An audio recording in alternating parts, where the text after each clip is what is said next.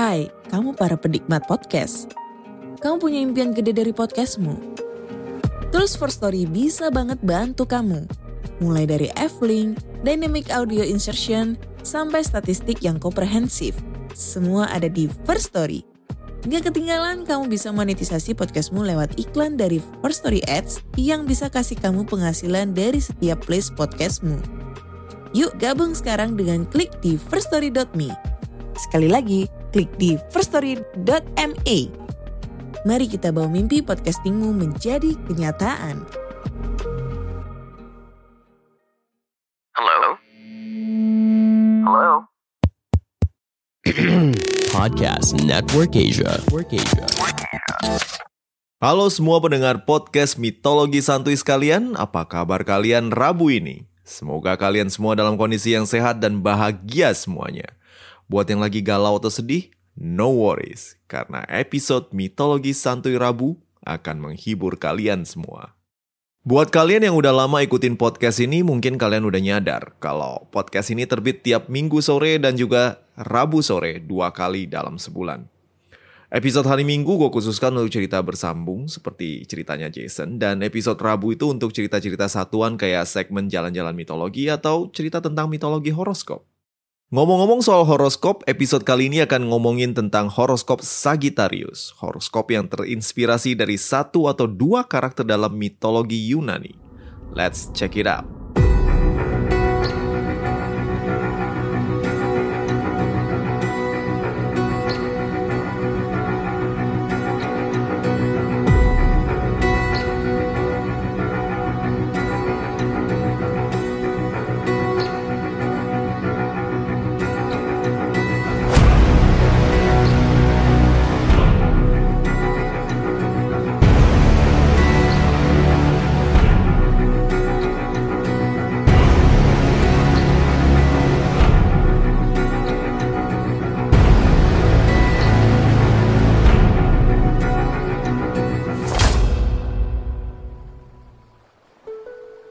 Perkenalan gue dengan horoskop Sagittarius adalah waktu gue kelas 3 SD. Tepatnya ketika gue nonton anime Senseiya, anime Jepang yang ceritanya seputar pertarungan antara para kesatria Athena dengan bad guys yang kebanyakan didukung oleh para dewa lain seperti Hades atau Poseidon. Di salah satu arc dari anime tersebut, Seiya, tokoh utama anime ini tengah ikut kompetisi antar kesatria Athena untuk mendapatkan jubah Sagittarius. Jubah yang memiliki kekuatan kosmos dari rasi bintang Sagittarius ini dibilang merupakan jubah terkuat di antara 12 zodiak lainnya. Dan sejak itulah gue selalu berpikir kalau zodiak Sagittarius ini merupakan zodiak yang terkuat dan terbaik di antara semua zodiak yang ada. Sagittarius adalah pemanah di langit yang luas. Sejak bangsa Babilonia menatap langit dan berusaha untuk mengerti pergerakan benda-benda di angkasa, rasi bintang ini telah dikenal sebagai seseorang yang memegang busur panah. Bagi orang-orang Babilonia, rasi bintang ini adalah rasi Dewa Nergal, Dewa Perang dan Kematian. Namun bagi bangsa Yunani kuno yang mewarisi tradisi astrologi dari peradaban timur, figur berpanah ini merupakan tokoh yang lain. Alkisah Kronos, titan pemakan anak yang merupakan ayah dari Zeus, pada suatu hari pergi ke seluruh penjuru langit dan bumi untuk mencari Zeus, guna menyingkirkan anak yang kelak akan merebut kekuasaannya. Kronos dalam pencariannya akan anak durhaka malah bertemu dengan seorang dewi laut bernama Filira. Dan si Kronos memutuskan untuk break sejenak dan menggoda si dewi laut. Seperti cerita klasik perburuan cinta Dewa Maha Kuasa dengan manusia atau Dewi, Filira menolak PDKT Kronos. Namun mungkin karena usaha Kronos yang tak kenal lelah atau nyerah, akhirnya Filira pun takluk. Kronos pun berhasil selingkuh dengan Dewi Laut cantik di belakang, istri resminya, Rhea. Well, I guess I know where Zeus got it from. Anyway, kisah perselingkuhan Kronos dan Filira pun tercium oleh Rhea dan keduanya nyaris terciduk oleh Rea yang cemburuan. Untunglah Kronos bertindak cepat dan mengubah diri serta selingkuhannya menjadi sepasang kuda dan melarikan diri. Filira pun kemudian mengandung dan ketika melahirkan anak Kronos tersebut, sang ibu terkejut melihat keadaan bayinya. Sang bayi ternyata berwujud setengah kuda dan setengah manusia. Filira yang jelita malu melihat kondisi anaknya dan membuangnya di kaki gunung Pelion. Kiron, nama bayi setengah kuda tersebut, kemudian ditemukan oleh Artemis dan Apollo yang kebetulan lewat usai berburu bersama. Kedua dewa kakak ade ini pun menaruh iba kepada Kiron dan merawatnya bagai anak sendiri. Walau sebenarnya Kiron adalah paman tiri mereka. Kiron adalah putra Kronos, sama seperti Zeus, cuma beda ibu aja. Kiron tumbuh besar menjadi manusia setengah kuda atau kuda setengah manusia tergantung dari mana lo lihatnya. Dan Kiron berbeda dengan ras centaur lain, keturunan dari Axion dan juga Nephele yang buas dan barbar. Kiron yang dibesarkan oleh Artemis dan dididik oleh Apollo memiliki banyak ketertarikan pada berbagai macam ilmu pengetahuan dan juga dia pandai memanah. Karena memiliki darah Kronos dan Pilira, Kiron adalah makhluk abadi dan tidak bisa mati, berbeda dengan ras Centaur keturunan dari Ixion. Kiron hidup sangat lama dan dipercayakan oleh para dewa dan raja untuk menjadi guru bagi anak-anak mereka. Perseus, Theseus, Jason, Ajax, Patroclus, dan tentu saja Achilles pernah menjadi murid dari Kiron. Kiron bahkan pernah mendidik putra Apollo, ayah angkatnya yaitu Asklepios yang kelak akan menjadi dewa pengobatan. Kiron memiliki hubungan yang dekat dengan Achilles karena sang sentor bijak inilah yang memberikan saran kepada Peleus, ayah Achilles, bagaimana memenangkan hati Thetis, dewi laut yang kelak akan menjadi ibu dari Achilles.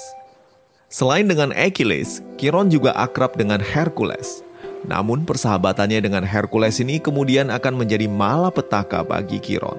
Satu sumber mengatakan bahwa dalam tugasnya menangkap babi Erimantia, Hercules membawa sekendi anggur pemberian Dionysus ke Gunung Pelion untuk menemui sahabatnya, seorang sentor bernama Volus. Anggur Dionysus tersebut membuat satu kampung gempar dan berusaha menyerang Hercules demi nyobain anggur tersebut. Hercules demi mempertahankan diri menyerang kawanan Centaur dengan panah darah Hydra yang beracun. Salah satu dari panah tersebut melukai Kiron yang berada di tempat dan waktu yang salah. Sang Centaur tidak mati karena status keilahiannya, namun tetap merasakan sakit tak terhingga akibat racun Hydra. Kiron yang pandai pengobatan pun tak sanggup mengobati dirinya sendiri sehingga dirinya begitu tersiksa.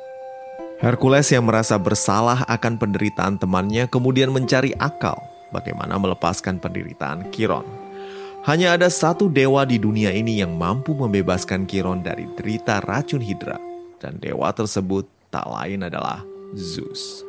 Hercules pun mendapatkan ide gila yang mungkin akan membuat dirinya dihukum oleh Zeus. Jauh di pegunungan Kaukasus, Prometheus tengah dihukum oleh Zeus. Sang Titan yang berkorban untuk memberikan api kepada umat manusia ini dihukum terikat di gunung dan setiap hari seekor elang akan datang untuk mengoyak-ngoyak isi perutnya guna memakan hatinya. Hercules membunuh elang tersebut dan membebaskan Prometheus dari ikatannya. Tentu saja, ulah Hercules ini membuat Zeus marah dan segera turun dari Olympus untuk menghukum Hercules.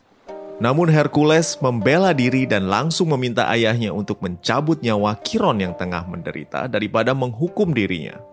Dan Hercules pun kemudian tanpa tendeng aling meminta ayahnya untuk melepaskan Prometheus yang sebenarnya juga adalah teman akrab dari Zeus dulunya. Zeus yang sebenarnya masih marah sama Prometheus awalnya enggan. Namun ketika melihat kondisi Kiron, saudara tirinya yang hidup segan mati pun gak bisa, akhirnya pun luluh. Zeus mencabut keabadian Kiron, dan sang Centaur pun terlepas dari rasa sakit akibat racun Hydra. Dan karena Kiron telah berjasa, Zeus menempatkannya sebagai rasi bintang Sagittarius. Cerita barusan adalah cerita yang paling umum tentang asal-usul rasi bintang Sagittarius. Ada versi lain yang mengatakan kalau sosok Sagittarius bukanlah Kiron, tapi Crotus, putra dari Pan, dewa setengah kambing yang dari namanya kita dapetin kata panik. Krotus dikatakan menciptakan panah dan tinggal di gunung Helikon. Kedekatannya dengan para Muses, putri-putri Zeus yang menginspirasi seni dan musik, kemudian membuat Zeus menaruh Krotus sebagai rasi bintang Sagittarius. Kedua figur yang menginspirasi rasi bintang Sagittarius memberikan kontribusi untuk orang-orang yang lahir di bawah bintang ini. Kiron adalah guru yang kaya akan ilmu dan tak segan untuk membagi ilmunya kepada orang lain. Demikian juga para Sagitarian atau orang yang lahir di bawah bintang Sagittarius. Krotos yang dekat dengan para Muses menunjukkan ketertarikannya kepada seni. Demikian juga para Sagitarian. Banyak orang yang menganggap para Sagitarian yang lahir di antara 22 November sampai 21 Desember ini terlalu filosofis alias ngawang. Seringkali pencarian mereka akan kebenaran membuatnya berpikir terlalu abstrak dan tidak praktis. Para Sagitarian dikatakan tidak suka terikat dengan rutinitas kehidupan atau teman, bahkan pasangan. Tapi jika mereka sudah mendapatkan tujuan hidupnya, mereka pasti akan meraihnya. Cailah. Sagitarian memiliki pemikiran yang tajam seperti panah dan selalu berpikiran jauh ke depan. Kemampuan mereka dalam menggabungkan semangat, rasa ingin tahu, dan kemampuan beradaptasi membuat kepribadian mereka sangat unik. Digambarkan sebagai sentor dengan panah dan tubuh setengah kuda. Sagitarian tidak ragu untuk menggunakan busur dan panahnya untuk mencari jawaban di tempat di mana orang-orang lain tidak akan berani melangkah. Entah jalan-jalan sendirian di negara yang asing atau pergi ke ziarah ke situs-situs suci untuk nyari tahu tentang rahasia peradaban kuno. Nafsu Sagitarian untuk mengejar pengetahuan tak kenal batas. Sagittarius adalah zodiak yang identik dengan adaptasi dan perubahan, sesuai dengan gejolak sentor yang selalu mobile dan ingin sesuatu yang baru. Mereka terlahir untuk menjelajah dan sangat membutuhkan kebebasan untuk bergerak. Nah, makanya kebanyakan Sagitarian suka traveling. Banyak Sagitarian yang suka menghabiskan waktu mereka menjelajah daerah-daerah yang baru demi mengejar pengalaman intelektual, spiritual, dan juga sosial. Seolah terlahir untuk menjadi petualang, banyak Sagitarian yang pandai bercerita, bekerja di industri hiburan, dan maybe podcaster. Hmm, ini kok mirip gua ya?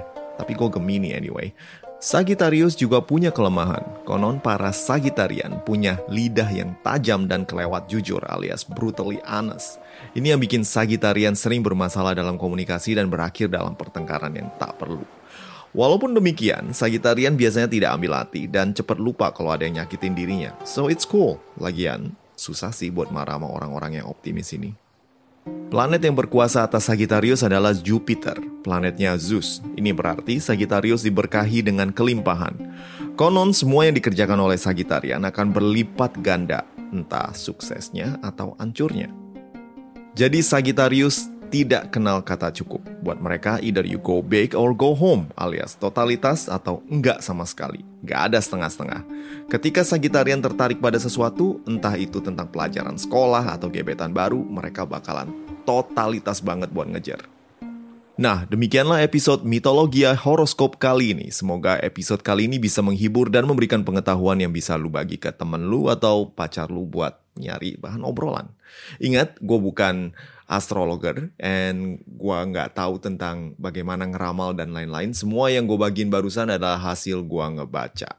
Anyway, um, sebelum bubaran, gue pengen ngucapin terima kasih buat Adiba dan dua seseorang yang udah traktir gue di laman traktir mitologi santuy. Buat kalian yang kepengen dukung podcast ini, silahkan mampir ke laman traktir mitologi santuy yang tersedia di deskripsi episode.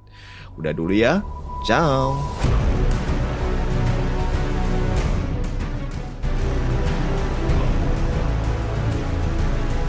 Pandangan dan opini yang disampaikan oleh kreator podcast, host, dan tamu tidak mencerminkan kebijakan resmi dan bagian dari podcast Network Asia.